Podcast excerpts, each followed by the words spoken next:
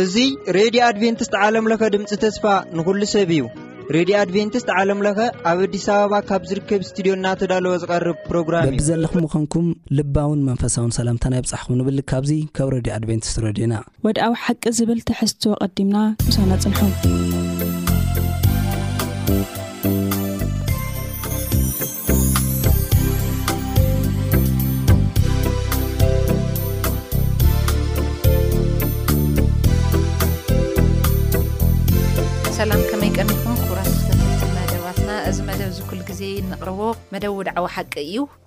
ብዝሓለፈ መዛዝሚ ብዛዕባ ናይ ኤፌሶን መጽሓፍ ሳልሳይ ርባዕ ወዲእና ነርና ብኣርከስት ናይዚ ራብዓይ ርባዕ መሪሕ ኣርእስቱ ግን እንታይ ይብል ምዝራው ዶ ኣቢልኩም ናብ ተግባር ተሳገሩ ልብል እዩ ብኣርከስ ቅድሚ ናፍቲ መደብ ምእታውና ከዓኒ ሓቢርና ከንጽሊ ኢና ንጸሊ ሰማያዊ ልዑል ዝኾንካ ሕያዋይ ቅዱስ እግዚኣብሔር ኣምላኽ በዛ ዕለት እዚኣ ንኣና ቃልካ ክትህብ ፍቓደኛ ስለ ልኾንካ፣ ካብ ለለናዮ ኸኣ ንስኻ መጺኻ ስለ ትደልየና፣ ቅኑዕ ልኾንካ ሓላዊ ጓሳ ስለ ልኾንካ ነመስግነካ። ኣሜን ስለ ኹሉ ነገር ተመስገን። ኣሜን እዚ ትምህርቲ እዚ ብንመሃሃር መንፈስ ቅዱስካ ልኢኽካ ክተምህረና ክተረድእና ንምሕጸነካ። እቲ ዝበለጸ ስጋና ጸጥ ኢሉ ድምጺ ናትካ መንፈስ ክነዳምጽ ኸኣ ንስኻ ሓግዘና። ኣሜን ኣይትፈለየና ስለ ሽመይ ሲልካ መኣድና ባርኸልና። ኣሜን። ኣሜን እምበኣርከስ ከምቲ ደወልኩኹም ራብዓይ ርባዕ መደቡ ደዓዋ ሓቂ ምዝራብ ደው ኣቢልኩም ናብ ተግባር ተሳገሩ ዝብል እዩ። እዚ መደብ እዚ ሒዝናልኩም ዝቐረብና ኣነ ሳሌም ነጋሲ ምስ ሓፍተይ እስከዳር ኣሸናፊ። ናይ ሎሚ ሰንበት ትምህርቲ ቀዳማይ ክፋል ኢና ንመሃር እና መልእኽቲ እግዚኣብሔር ንዓና ዝብል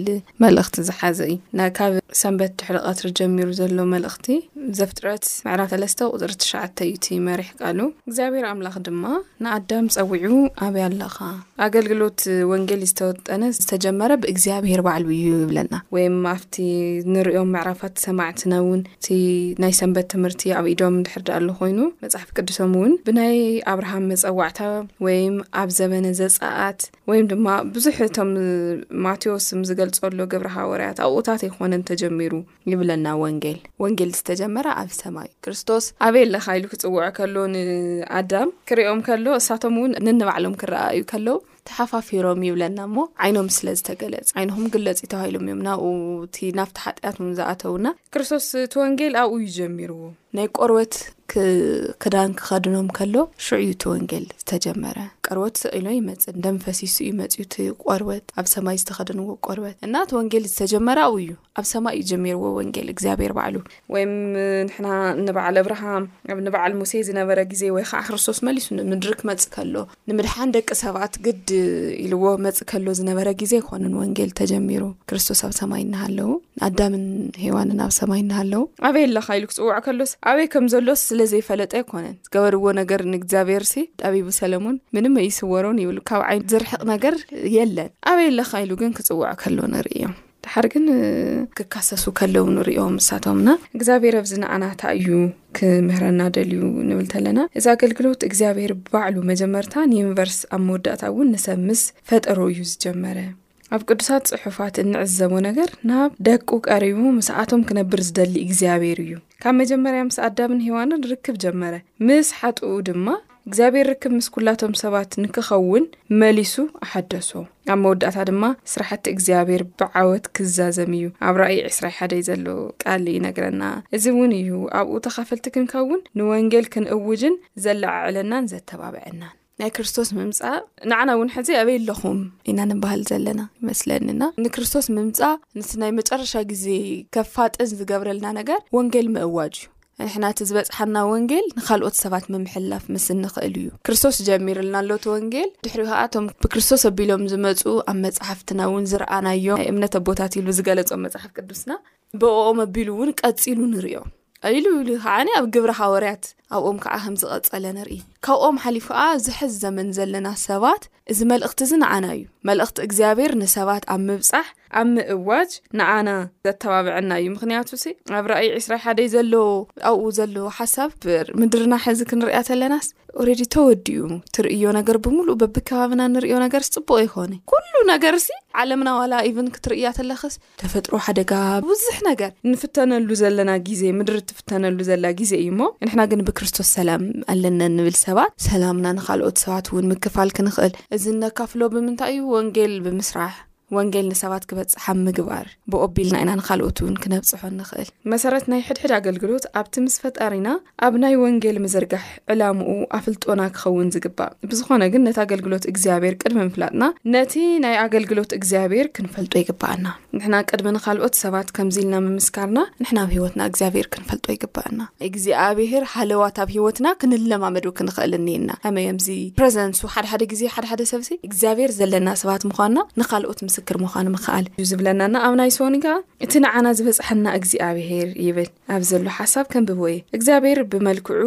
ብምስሉ እዩ ዝፈጠረና ኣብ ዘፍጥረት ክንርኢ ተለና ብኣምሳልና ሰብ ንፍጠር በሉ ይብለና ንሕናሲ ብኣምሳል እግዚኣብሔር ከም ዝተፈጠርና ሕዚ ምዚ እንነጋገሮ ከምዚ ንቀልዲ ኢልና ገለ ንሓስቦ ነገራት ኣይኮነን ናይ ሰብ ፈጣጥራሲ ብኣምሳሉ እዩ እና ፍፅምቲ ዝኾነት ዓለም ዝሃበና እውን ምስኡ ኣብ ፍቅሩ ዝተመስረተ ፍፁም ዝምድና ምእንታን ክንነብር፣ ኣብዛ ዓለም እውን ብደስታን ፍጽምናን ምእንታን ክንነብር ኢሉ እዩ። ይኹን እምበር፣ ፍቕሪ፣ ፍጽምነት፣ ክውንነትን ምእንቲ ክትከውን ኢሉ ድማ ኻሊእ ክቡር ህያብ ማለት እውን ንዝደለናዮ ብፍቓድና ምእንታን ክነስዕብ ነጻ ሕልና ሂብና እዩ። እግዚኣብሔር ነጻ ሕልና ማለት እቲ ነጻ ምርጫ እንብሎ ነገር እግዚኣብሔር ሰየገድደናን እኮ ኣገዲዱ እግዚኣብሔር እመኑ፣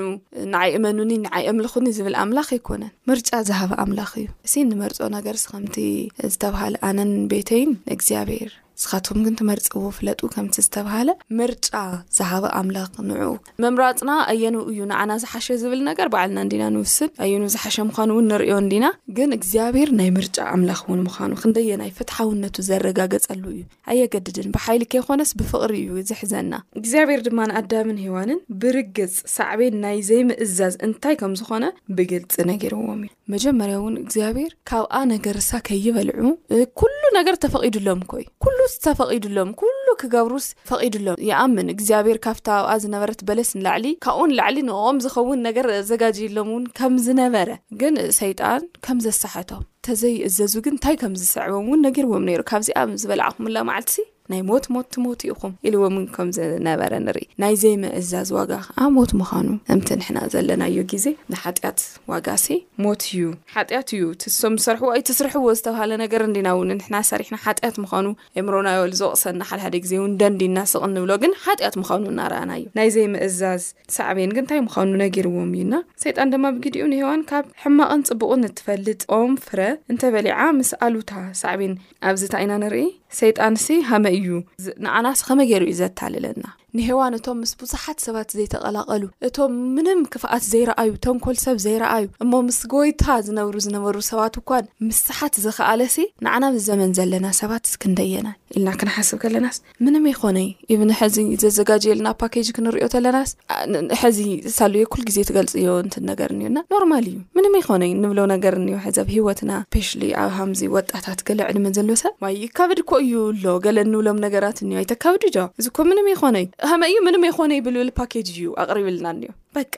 ሄዋን እውን እኮ ከይትበልዖ እኮ ተነጊርዋ ካብዚኣ ትበልዑላ መዓልቲ ሲ ናይ ሞት ሞት ከም ትመውት ነጊርዋ እዩ ግን ምንም ይኮነይ ንሕና ኣብዚ ሕዚ ዘለና ሰባት እውን ሓጢኣት ንሰርሕ ሞ ዋይ እግዚኣብሔር እዚ ንወዲ ዝንዲ እናቆፀረ ዝውዕል ንብል እወ እግዚኣብሔር ግን ነገራት ናይ ነገራት ኣምላኽ እዩ ብለዎ ሕድሕድ ነገር ካብ ዓይኑ ኣይትስወርን ተራራታት ኣይስውር ወይ ደመናት ኣይሰው ምንም ነገር ካብ እግዚኣብሔር ኣይስወር ኢና ንሕና እውን ክንጥንቀቐሉ ኣብ ሂወትና ምንም ኣይኮነን እንብሎ ነገር እዚ ማ ፅቡቅ እዩ ንዓና ሕልፍ ሓሊፍና እውን በ እግዚኣብሔር ማ ብዙ ሓሳብ ዝምሳና እውን ከም ተስማዕምዐ ገይርና ንቕርበሉ ግዜ እውን ኣለናና እሱ ክንጥንቀቕ ከም ዘለና ን ኣብቲ ናይ ብሉ ኪዳን ዘገባ እግዚኣብሄር ነቲ ናይ ምድሓን ተልኽኡ ዕውት ምእንቲ ክገብሮ ብዝተፈላለየ መንገዲ ይሰርሕ ከም ዝነበረ ተገሊጹ ንኣብነት ብድሕሪ ናይ ማይ ኣይሂ ጥፍኣት ደቂ ሰባት ኣብ ባቤል ተኣኻኺቦም መእንታን እንደገና ነብለቕልቕ ማይ ከጥፍኡ ነቲ ንሰማይ ዝጥቁር ግንቢ ምስ ምስራሕ ምስ ጀመሩ እግዚኣብሔር ቋንቋኦም ምትሕዋስ ናይ መላእ ዓለም ከም ዝተበተኑ ገይሩ ነቲ መደቦም ደው ኣበልዎ ይብለና ድሕሪ ማይ ኣይህሰ እግዚኣብሔር ስታይ ኢሉ ነይሩ ድሕሪ ሕዘስ ብከምዚ ዓይነት ጥፍኣት ምድርስ እየጥፍኣይ ኣይንመሃር ይመስለኒ ይንመሃር ሓጢኣት እዚ ናይ እግዚኣብሔር ምሕረት ሲ ብጣዕሚ ንለማመዶ ይመስለኒ ናይ ኖህ ዘመን ዝነበሩ ሰባት እውን ከምኡ ኣብቲ ማይ ኣይሂ ዝነበረ ንምእትን ገለን ዓመታት ተሰዊክሎም እዩ ተነጊርዎም እዩ እሲ ን ሕደጉ ተመለሱ ክበሃል ተሎስ ዋይ ዓሚ ኮ ኢልካና ነርካ ቅድሚ እዚ ዓመት እዚ ዝነበረ ግዜ ኮ ኢልካ ኣበይ ኣሎ ይብልዎ ነይሮም ን ኖ ግን እግዚኣብሔር ኣብ ግዜኡ ከምቲ እግዚኣብሔር ዘድሕን እግዚኣብሔር እውን ከም ዘጥፍእ ኣብ መዝሙር እውን ተገሊጸ ኣብ መዝሙር ሸውዓተ ሲ እቶም ካብ ሓጢኣቶም ዘይተመለሱ እቶም ንስሓ ዘይኣተዉ ግን ከም ዘጥፍኦም ይናገር እዩ እግዚኣብሔር እና ኣብ ናይ ኖህ ዝነበረ ግዜ እውን ከምኡ የመና ናይ እግዚኣብሔር ምሕረት ምልምማዶም ዝተላዕለ ብማይ ኣይሂ ከም ዝጠፍኡ ግን ክርስቶስ ከም ሰብ ስለ ዘይኮነ ዳግም ደማ ከምኡ ዓይነት ጥፍኣት ከም ዘይገብር ከዓ ይነግረና እና ካብዚ ቀፂሉ ዘሎ ሓሳብ ሰሉ ትገልፅ ይወ ይኸ ከምቲ እንዳገለጸቶሎ ጸንሐት እዚ ናይ ሎሚ ቀደማይ መደብ ውድዓዊ ሓቂ ናይ ራብዓይ ርባዕ መደብ ውድዓዊ ሓቂ መእተዊ ኮይኑ እዩ ዝግለጽ ደሎ እታ ዓባይ ቴማ ኣበይ ኣለኻ እያ ብኣርከስታ ልሰማዕናያ ተግባራዊት ክትከውን ትንገረና እምበኣርከስ ንኣዳምን ንሄዋንን ተግባራዊ ገይሮማ ድዮም ይገበርዋይ ክብል ከም ምርጭኦም ኣብታ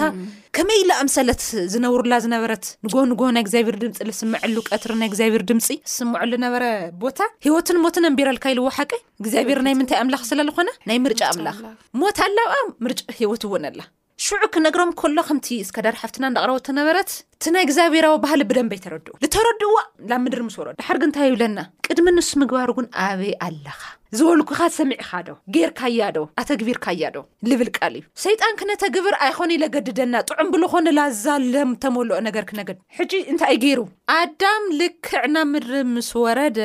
መጀመርያ ዝሰምዖ ድምፂ እንታይ ይመስለኩም ንኣቤል ወዱስ ቃኤል ቀትልዎ ልብል ድምፂ እዩ ሰሚዑ እዚኣ ልኸይሰምዕ ግን ሞት ንህይወት ነንቢረልካ እየ ኢልዎ እዩ ከምቲ ዝበለቶ ኣብቲ ትምህርቲ መእተዊ ከዓኒ ከም ምርጫና ክንነብር እግዚኣብሔር ናይ ግዴታ ኣምላኽ ስለለይኮነ ኸይጠፍኡ እውን ብደንቢ ገይሩ ነጊርዎም እዩ ንሳ ብተወልዑ ክትሞት ኢኹም ኢልዎም ነይሩ ካባና ኣብ ላዕሊ ባይ ዘወይ ኣዳም ብደንብ ዘስተማቐሮ ይመስለኒ ስለምንታይ መሲልኩም ኣንሕና ስለ ምድሪ ኢና ንዛረብ ንሱ ግን ስለ ሰማይ እውን ክዛረብ ይኽእል ናይ እግዚኣብሔር ድምፂ ብደንብ ዝሰምዕ ዝነበረ ኣካል እዩ ክንዲ ምንታይ ከም ዝተናስሐ እሱን እግዚኣብሔርን ጥራሕ ንፈልጡ ሓድሓደ ግዜ እኮ ጌጋ ምርጫ ትመርፅ እሞ እንታይ ትኸውን ዘይምለስ ምርጫታት እኒኦ ኦረዳ ሓደ ግዜ እንታይ ይኸውን መሲል ይዕፀ እዚኣ ክልተ ግዜ ሰለስተ ግዜ ትበሃል ምርጫ የለ በኣር ናብ ናይ ሰሉስ ግን ካሊእ ምርጫ ግን ረኪብና እግዚኣብሔር ኣምላኽ ዝተመስገነ ይኹን ኣሜን እዛ ምርጫ ንሳ ብተወላዕኹም ክትሞት ኢኹም እዮም ተባሂሎም ሓቂ ሞይቶም እዮም በኣር ክስቲ ክትሞት ኢኹም ዝበሎም ግን ጨካን ኮይኑ እንዲቀርዩ ኣይኮነ ኣይብለይ ኣብ መፅሓፍ ቅዱስ እዛ ናይ መጀመርያ ወንጌል ኣብ ሰማይ ጀሚራ ዝበላ ሓደ ሕፍረቶም ኸዲንዎም ከምዚ ክኸውን ከሎ ካብ ሄዋን ዝወጸ ዘርኢ ከኣኒ ንበዓላ ልሄዋን ከም ዘድሕን ከኣኒ ምስክርነት ተነጊርዋ። ምርጫ ረኺብና። ትኽክል መሪጸ እየ ዝበለቶስ ምድርስ ዕሾኽን ኣሚክላን ደበቅል ኮይኑ። ወዲ ሰብ ትኽክል መሪጸ ይፈልጢ። እነ ኣዳምን ሄዋንን እዚ ከምዚ ዓይነት ከርተት ዓለም ብደንቢ ርእዮሞ። ተዋሪዶም፣ ሓሲሮም። ባእርከስ እግዚኣብሔር ሱቕ ክብል ኣይኸኣለ እዩ። ካብ በዓላ ካብ ሄዋን ዝወጸ ዘርኢ ንበዓላ መድሓኒት እግዚኣብሔር ከምዚ እዩ። ናብዛ ኤደን ንምምላስ ግን ታይ ድዩ ልብል ልምብራቕ ገጸም ከይመጹ ናብ ኤደን ከይኣትውስ ቀስተም ቢሮ ሓቂ ምርጫ የነበረ ሽዑ ዕድለይ ረኸወይ ንቃ ወረድ ከይዶም እዮም እቲ ፈጣሪ ኩሉ ዓለም በቶም ንባህሪ ናህዛብ ዘለው ውጥን ከንፀባርቕ ብዝሓረዮ ህዝቢ ነቲ መደባቱ ከተግብር ጀመረ እቲ ኩሉ እቲ እግዚኣብሔር ዝገበሮ ነቲ ናብ ኩላቶም ደቂ ሰባት ናይ ምድሓን መልእኽቲ ንምብፃሕ እዩ እግዚኣብሔር ብነቢ ኢሳያስ ገይሩ ከምዚ ኢሉ ኣሎ ኣነ ኣምላኸ ብጀይካይ ከቶ የልቦን እሞ ነቲ ናይ ጥንቲ ናይ ቀደም ዘክሩ ኣነ ኣምላኽ እየ ሕጂ እውን ኣምላኽ እየ ክቕጽል እዩ ምኽረይ ከቐውም እየ ፍቓደይ ኩሉ እውን ክፍጽም እየ ኢልዎ ካብቶም ዝፈጸሞም ብነቢዪ ኢሳያስ ትሸዓተ ሽዱሽተ ቆልዓ ክውለድልና እዩ መድሕን ህዝቢ ዓለም ክኸውን እዩ ካብ ድንግል ክውለድ መንገዲ ይፅረግ እዩ ነይሩ ፀርግቲ ነይሮም በቲ በለበቲ ግን ፍቓዱ ተኮይኑ እዩ ተፈፂሙ ኣንሕና ካብቶም እንታይ ክኾኑ ኮይና ካብቶም ተረፍቲ ኮይና ዋላ ድኣ ብናይ ቀደማዊ ምርጫ ናይ ኣዳም ፍቓድ እኳ እንታይ ይበሃል ንኹን ኣዳም ንባዕሉ እውን ዳግም ኤደን ንኸይርኢ እንታይ ባል ኣይተገበረይ እግዚኣብሔር ወዱ ዘኪርዎ ዝፈጠሮ ፍጥረት ትዝ ኢልዎ ርእይዎ ጠሚትዎ ተዘይራሕርሒሉ ከም ዘይኸውን ወዲ ሰብ ርእይዎ ስለዚ ፈትዩ ፈቒዱ ምሳና ክኸውን ድኽእል እቲ ሓደ እቲ ምሳና ሓደ ዝኾነ እግዚኣብሔር እዩ ኮድብሎ እንታይ ድዩ ናይ ሰብ ስጋ ኮይ ለዊሱ ተንሕና ንፀልኦ ሰብ ኢልና ንፀልኦ መንነትስ ትናና መንነት እዩ ለዊሱ ከመይ መሲልኩ መንሕና ክንወድቕ ኣንሕና ክንሓመ መንሕና ክንሓስር ሕና ክንዋረድ ከለና ቀጥታ መልስና ከምዚ ዓይነት መልስታት ክንጥይቅ ከለና እግዚኣብሔር ዘልዕለና ወዲ ክዋረድ ከሎ ስለልረኤ የናሽዎ ነይሮም እዮም ናይ ሰብ መንነት ዝኣክልቲ እግዚኣብሔር ተገዲሱ ዝፈጥሮ ፍጡር በዕሉ ከናሽዎ ርእዎ እዩ ክርስቶስ ስለዚ ዓቕሚ የብሉ ምክንያቱስ ናይ ሰብ ስጋ እዩ ህይዎ እዛ ከዓ ንዓቕሚ የብሉ ንመን እዩ ግን ንናይ ሰብ ንሰብ ንባዕሉ ናይ ኣንበሳ ኣካል ኩ ይኮነ ሒዙ ተንሕና እቲ ብጣዕሚ ጨካን ብጣዕሚ ክፉእ ትምርጭኡ ዝተጋገየ እቲ ብትኽክል ዘይርዳእ እግዚኣብሔር እንዳሓዘነ ዝነብር ፍጡር ናቱ መንነት ለዊሱ ግን ንዓለም መድሐን ኮይኑ ዓለም ትፍቶይ ትፍቶ ግን መድሒኑ እዩ ትቀበለይ ትቀበል ኣብቲ ዝተርገመ ዕንፀይቲ ንዓለም መድሓኒት ኮይኑ ግን ታይ እዩ እቲ ዋና ዝኩ- እዚ ኩላ እግዚኣብሔር ለከራኸሮ ደሎስ ዩኒቨርስ ብምሉኣ መላእኽቲ እኮ ኣለዎ ኖኖ ፍጥረቱን ንብረቱን ኣይርስዕ ከምቲ ዝጠፍአ ወዲ ባዕሊ ክርስቶስ ዝተናገረ ካብቲ ምስኡ ዘሎስ እቲ ዝጠፍአ ደልዩ ንሱ ረሲዕዎ ግን የኮነይ ምርጭኡ ትኽክል ስለለይነበረ ወዲ ሰብ ትኽክለኛ ምርጫ ስለለይመርፅ ክመርፀሉ እኮ መኪሩ ሓቀይ ንኣይ ኣይፋልካን ንስኻ ኣይትኽእልን ኢኻ ኢልዎ ካብ በልካ ደኣ መገዲ ጨርቂ ይኾነልካ ኢሉ መሪቑ ሰዲድዎ መገዲ ጨርቂ ኣይኮነሉይ መቸም ተመሊሱ ክስካብ ዝመፅእ ግን ተመሊሱ ኣማዕድዩ ዕስራን ኣርባዕተን ሰዓት መፂኡ ዶ ይኸውን ኢሉ ይቋመት ነይሩ ልክዕ ንሕና ምምላስ ምስ ኣበና ከይጠይቕናዮ ወድሉ ይኹዎ ከይጠይቕናዮ ንሕና ክርስቶስ ንኣና ክመውት እኳ ኣብ ዓለም ደለና ሰባት ተኣኪብና ውረድ እሞ ንዓና መስዋእቲ ኮነ ይበልናዮ ዝበለ ኣካል ዝንግር እንትኸሉ ኢኹም ኣብ መፅሓፍ ቅዱስ ምርጫና ትኽክል ስለለይ ነበረ እንዶም ሰማይን ሰማያትን ገዲፉ ክነሱን ሓጢኣተኛ እሞ ነቲ ንዝሰቕሎ መን ምስ መን ክኸውን ኣማንኤል ምስ ኣዳም ክኸውን ኣማንኤል ምስ ሳምባሪ ኣማንኤል ምስ ኩሉ ክኸውን ምሳና ክኸውን ዋላ ድኣ ምርጫኻ ጌጋ ይኹን እመን ኩል ግዜ ምሳኻ እየ። ውርድ ኢልና ግን ክንርኢ ከለና እግዚኣብሔር ነቲ ናይ ዘልኣለም መደባቱ ንቕድሚት ብምስጓም ብክርስቶስ ጌሩ ኣብ ማእኸል ህዝቡ ሓደረ። ኣብ ማእኸል ህዝቡ መን እዩ ብ ናይ ዮሴፍ ዘርኢ ተጠቒሙ ክንርኢ ከለና እቲ ቃል ስጋ ኮይኑ ጸጋን ሓቅን መሊእዎ ከኣ ኣባና ሓደረ ክብረቱ ድማ ከም ክብሪ ናይቲ ሓደ ወዱ ነቡኡ ርኢና ኔርና ብማለት እግዚኣብሔር ነቲ ናይ ብሉይ ኪዳን ተስፋ ብምፍጻም ምሳና ሓደ ኮይኑ ስጋ ለበሰ፣ እቲ ናይ ተልእኾ ኣገልግሎት እግዚኣብሔር ንዕላማታት ከሳኽዐ ከሎ ረኣና ይብል። ብዘይካ ሓጢኣት ዋላ ሓደ ኣይተረኸወ እዩ ሓቀይ ቃል ሕና ኹሉ እዩ ልርከበና ምንም ዝጎድለና ነገር የለይ ባይዘወይ ናፍቲ ናይ መጀመርያ ዝሃቦም መንነት እቲ ናይ ባዕሉ መንነት ዳሃቦም በኣርከስ ኣብ ረውዕ ከይና ክንርኢ ከለና ግንታይ ይብል መስለኩም እቲ ምሳና ብቐጻሊ ዝነብር እግዚኣብሔር እግዚኣብሔር ሓዲሩ ትቃል ስጋ ምስ ኮነ ንዓለም ኣድሒንዋ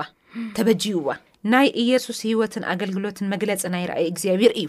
እግዚኣብሔር ብሰለስተ ዓመት ካብቲ ብዙሕ ግዜ ብብዙሕ መንገዲ ዝገለጾ ንላዕሊ ዓባ መንነቱ ንደቂ ሰባት ክገልጽ ክኢሉ እዩ ክርስቶስ እቲ ፍጹም ንሱ ብመልክዕ እቲ ዘይረኣ ኣምላኽ ብዘሎ ምልኣት ኣብኡ ክሓድር ኣቦ ሰሚርዎ ኣሎ እሞ ብእኡ ብደም መስቀሉ ገይሩ ሰላም ምስ ገበረ ከኣ እቲ ኣብ ምድሪ ዘሎ ኣብ ሰማያት ዘሎ ዘበለ ኩሉ ንርእሱ ተዓሪቕዎ እቲ ናይ እግዚኣብሔር ብልኡል ዓለምና ናይ ብምብጻሕ መደብ ብክርስቶስ ኣቢሉ ተገሊጹ። ክርስቶስ ባዕሉ ድማ ወዲ ሰብ ንጥፉእ ክደልን ከድሕንን ነቲ ተልእኾ ኣነጺርዎ። ኣብ ስጋ መወዳእታ ሰሙን ናይ ኣገልግሎት ክርስቶስ ህይወት ደቂ ሰባት እንደገና ናብ መድረኽ ቀረበ። እቶም ኣብዚ እዋን እዚ ዝተኸናወኑ ተግባራት ናይ ጥንቲ ተስፋ ምስቲ መጻኢ ኣተኣሳሰሩ። ኣብቲ ቐነ በዓላት ፋሲካ መዘከርታ ናይ እስራኤላውያን ካብ ግብጺ ዝወጹሉ ሰሙን ክርስቶስ እቲ ናይ ስጋ ዝለበሰ እግዚኣብሔር ንኹላቶም ደቂ ሰባት ኣብ ኣርዑት ሓጢኣት መታን ሓራ ኸንብሮም ህይወት ኣብ መስቀል ወፈየ። ሃዋርያ ጳውሎስ ከምዚ ክብል ጸሓፎ ንሕና ብእኡ ጽድቂ ኣምላኽ ምእንቲ ክንኸውን ነቲ ሓጢኣት ዘይፈለጠ ኣብ ክንዳና ሓጢኣት ገበረ። ሞት ክርስቶስ ኣብቲ መስቀል ኣካል ናይቲ ምትዕራቕ ደኣ እምበር ናይ መወዳእታ ኣይኮነን ስለምንታይ ብትንሳኤኡ ክርስቶስ ንሞት ስዒሩ እዩ ደቂሱ ዝቐሪ ኣምላኽ ኣይኮነ ን ነይሩና ንኣዳም ምስ ኣውፅኦስ እንደገና ኣብኡ ድቐሪ እዩ መሲልዎ ሞት ክርስቶስ ኣብቲ መስቀል ኣካል ናይ ምትዕረቕ ድኣ እምበር ናይ መወዳእታ ኣይኮነን ብትንሳኤኡ ክርስቶስ ንሞት ስዒሩ ኩሉ ስልጣን ኣብ ሰማይን ኣብ ምድርን ዓቲሩ እዩ ኣብዚ ክውንነት ተመርኪሱ ድማ ንኩላቶም ሰዓብቱ ናብ ኩላ ዓለም ክኸዱ ካብ ኩላቶም ኣህዛብ ደቀ መዛምርቱ ክገብሩ ተስፋ ሂቡ ኣዘዞም። እንሆ ድማ ኣነ ክስካዕ መወዳእታ ዓለም ኩሉ መዓልቲ ምሳኻትኩም እየ። ባይ ዘ ወይ ኣነ ደስ ልብለኒ ኣብዚ ምዕራፍ እዚ ኣነ ምሳኻትኩም እየ ልብል ብዙሕ ግዜ ተዛሪብዎም እዩ። ኣነ ምሳኻትኩም እየ ዝተረደኣቶም ግን ድሕሪ ሓምሳን መዓልቲ እዩ። ክርስቶስ ምስ ዓረገ ናብ ሰማይ ሓዊ ካብ ሰማይ ክወርድ ከሎ ካባይ ዝበለጸ ሓቂ ከም መንፈስ ቅዱስ ልኢኸስ መጸናንዕን መምህርን ዝመርሕን ክርእልዎ እቲ ሰላሳን ሰለስተን ዓመት ምስኦም ክጓዓዝ ዝወዓለ ክርስቶስ ስለይተረድእዎ ዝተሓርስ እዚ መከራ ከም ማይ ከም ጥዑም ማይ እዮም ዝሰትይዎ ምሳኻትኩም እየ ኢልዎ ግን እዚ መከራ እግዚኣብሔር ከም ዘየለ ገይሩ ዝስምዐካ ነይሩ ምስክራት ከም ዘየለው ሓጋዚ ከም ዘይብሎም ፋሲካን ክርስቶስን ሓደ ገይሩ ፋሲካ ማለት እዚ ሕጂ ዓለም ተብዕሎ ደላ ፋሲካ ዘይኮነስ ኣይሁዳውያን ካብቲ ጨካን ዝኾነ መንግስቲ ክወፁ ከለው ካብ ግብፂ። ከይትርስዕዎ ኣነ ብኢድ ብትናተይ ቅልፅም እየ ሓራ ውፅእኩ ኣብ 32 ዘዳግም 32 12 ኮይና ንሪኦ ከለና ዋላ ካሊእ ጓና ኣምላኽ ኣይነበረን እዩ በይኑ እግዚኣብሔር ይመርሕ ነበረ ኢሉ ጓና ኣምላኽ ኣይነበረን እዩ ድብል ካበይ መፅኦም ዳኣ እዮም ክስገደሎም ሕጂ ንሶም ካሊእ ካሊእ ካሊእ ጠመተ ክንገብር ብኣርከስ በዛ ሓያል ቅልፅም እዚኣ ኣይለቅቕን ዝበለ ፀላእታ ገይረኩም ሓራ ኣውፅእኩም እዛ ሰሙን ንሳ ልክዕ ክርስቶስ መሳወት ንህዝቢ ዓለም ኮይኑ ትሽዑ ዝነበረ ናይ እሁዳውያን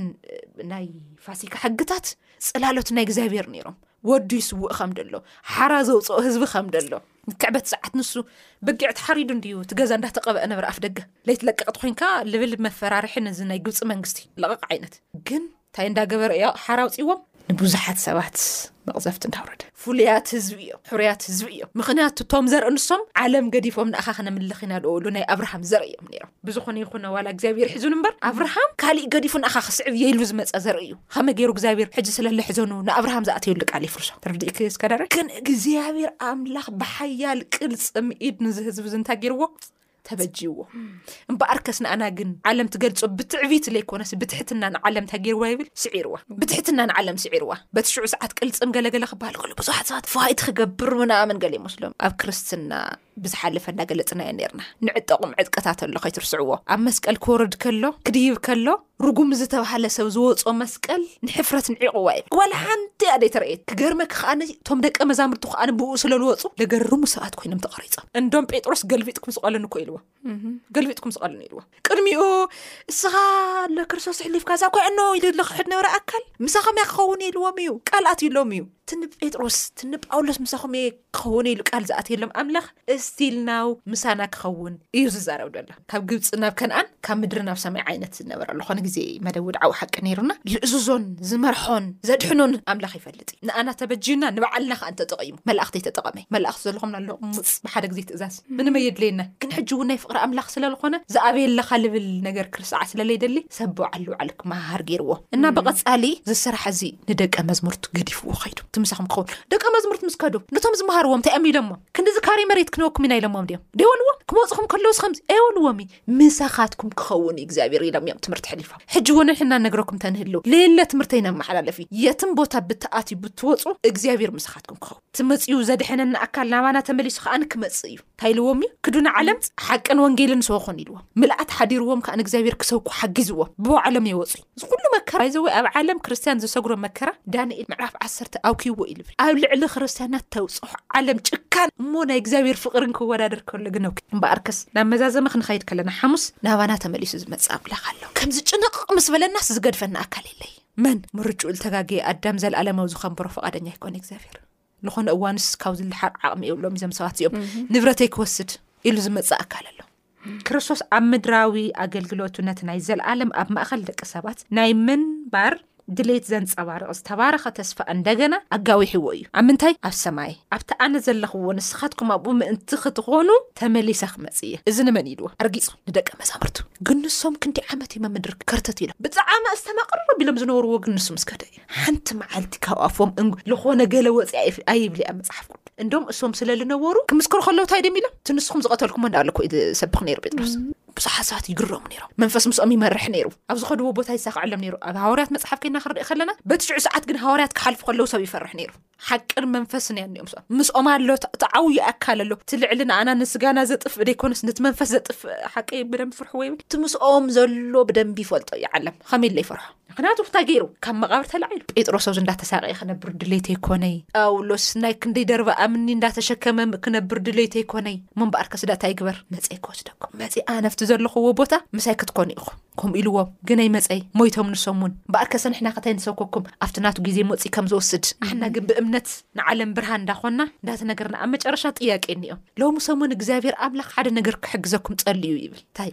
ኣብ መኪና ተሳፊርኩም ተኾንኩም ምስ ኣውቲስታ ብዛዕባ ዝኾነ ነገር ክተጉዑ እግዚኣብሔር ክሕግዘኩም ጸልዩ ምስ ነጋዲ ልኾነ ነገር ገዝኡ ክትኸለኹም ትኾንኩም ንሮ ውድነት ድ ረብሽዎ ፀገም ይብሉ እግዚኣብሔር ልኾነ ቃል ከቐብለኩም እዩ ሽዑ ትነግርዎ ኢኹም እግዚኣብሔር ኣምላኽ ቃል ክቐብለኩም ምእንቲ ላኣኽዎ ምኽንያቱ ንሶም ቶም ደቀ መዛምርቱ ካብ እግዚኣብሔር እዮም ተቐቢሎም ደውፅሑ ነይሮም ካብ ባዕሎም ይነበረይ ሓደ ዝወደቐ ሰብ ከምቲ ሕጀብ ዘበና ዘሎ ይልም ነይሩ ሓና ዘለና ኢሎም ዝሃውዎ ነይሩ ዓለም ዘለዎ ቅርሽያት ቶም ትኽክለኛ ክርስትያናት ዘለዎም ግን ቃል ኣምላኽ እዩ ምክንያቱ ዝዓበየ ንዓለም ክሃነፅን ክቋፀርን ዝኽእል ናይ እግዚኣብሔር ቃል ተፈወሲ ተፈዊሱ ንብዙሓት ሰባት በዛ ዕለት እዚኣ በዛ ሰሙን እዚኣ ቅድሚ ናብዛ ሰንበት ምእታውኩም እግዚኣብሔር እዚ ነገር እዚ ክትገብሩ ክሕግዘኩም ፀልዩ ይብል ምክንያቱ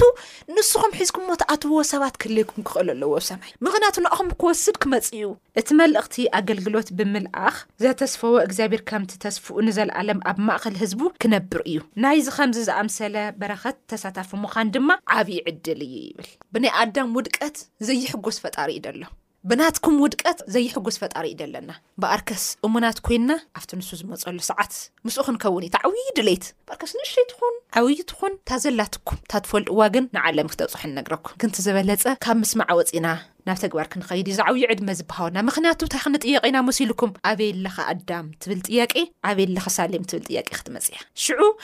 እታ ዝሃብካኒ ወይቶም ዝሃብካኒ ኣህዛብ ኣጥፍኦምኒ ድበሃል ግዜ ከይረሓቐትና ግን ዘይወድቕ ዘይሓጥ ሰብ የለን ሕዚነካ ምባልካ ኣንቲ ዝዓበ ብጣዕሚ ደስ እንዳበለና ኢና እዚ ትምህርቲ ዘመሓላሊፍናልኩም ምክንያቱ ምንም ተስፋ ዘይ ምድሪ ተስፋ ክህበካ ዝኽእል ኣካል ሓደ መዓልቲ ንዘለኣለ ምስኡ ከቢርካ ከምትነብር ንኣና ርስቲ ከዘጋጀየልና ንሰማይ ከይዱ በይኑ ከይነብር መላእክቱ ነይሮሞ ዋእ መላእክቲ እኹላት ለይቲ ቀትሪ ዘመጉስዎ ግን ምስ ሓጢኣተኛ ዝኾነ ምርጭኡ ምስ ዘይፈልጥ ሰብ እንዳምሃርካ እንዳገሰጽካ ምንባር መሪጹ እግዚኣብሔር ይመስገን ከኣኒ ኣይሰኣነይ መዓት ምስክራት ኣለዉ ንርእየና ኣብ መጽሓፍ ቅዱስ ካብቶም ምስክራት ሓደ ክንከውን እዩ ዝዕድመ ዝግበረልና ደሎ በኣር ከዝነበረና መደብ እዚ ይመስል ነይሩ ሓሳባትን ጥያቄን ብዝህለወኩም ብልሙድ ስልኪ ቁጽርና ባዶ 9 10 14 51 ባዶ 5 ተወሳኺ ስልኪ ቁጽሪ ባዶ ትሽዓተ ሰማንያን ትሽዓተን ሰብዓን ሸውዓተን ኣርብዓን ሓሙሽተን ቴስዓ ብፖስታ ሳንጽን ቁጽሪ ከኣ ሚእትን ኣርብዓን ሓሙሽተን ኣዲስ ኣበባ ኢልኩም ሓሳብኩምን ኣስተያየትኩምን ንኹሉ ክተቕርቡ ትኽእሉ ኢኹም ብኣርከስ ስራሕኹም ገዲፍኩም መደባትና እትከታተሉ ዝነበርኩም ሰማዕትና ኹላኻትኩም ኣዚና ነመስግነኩም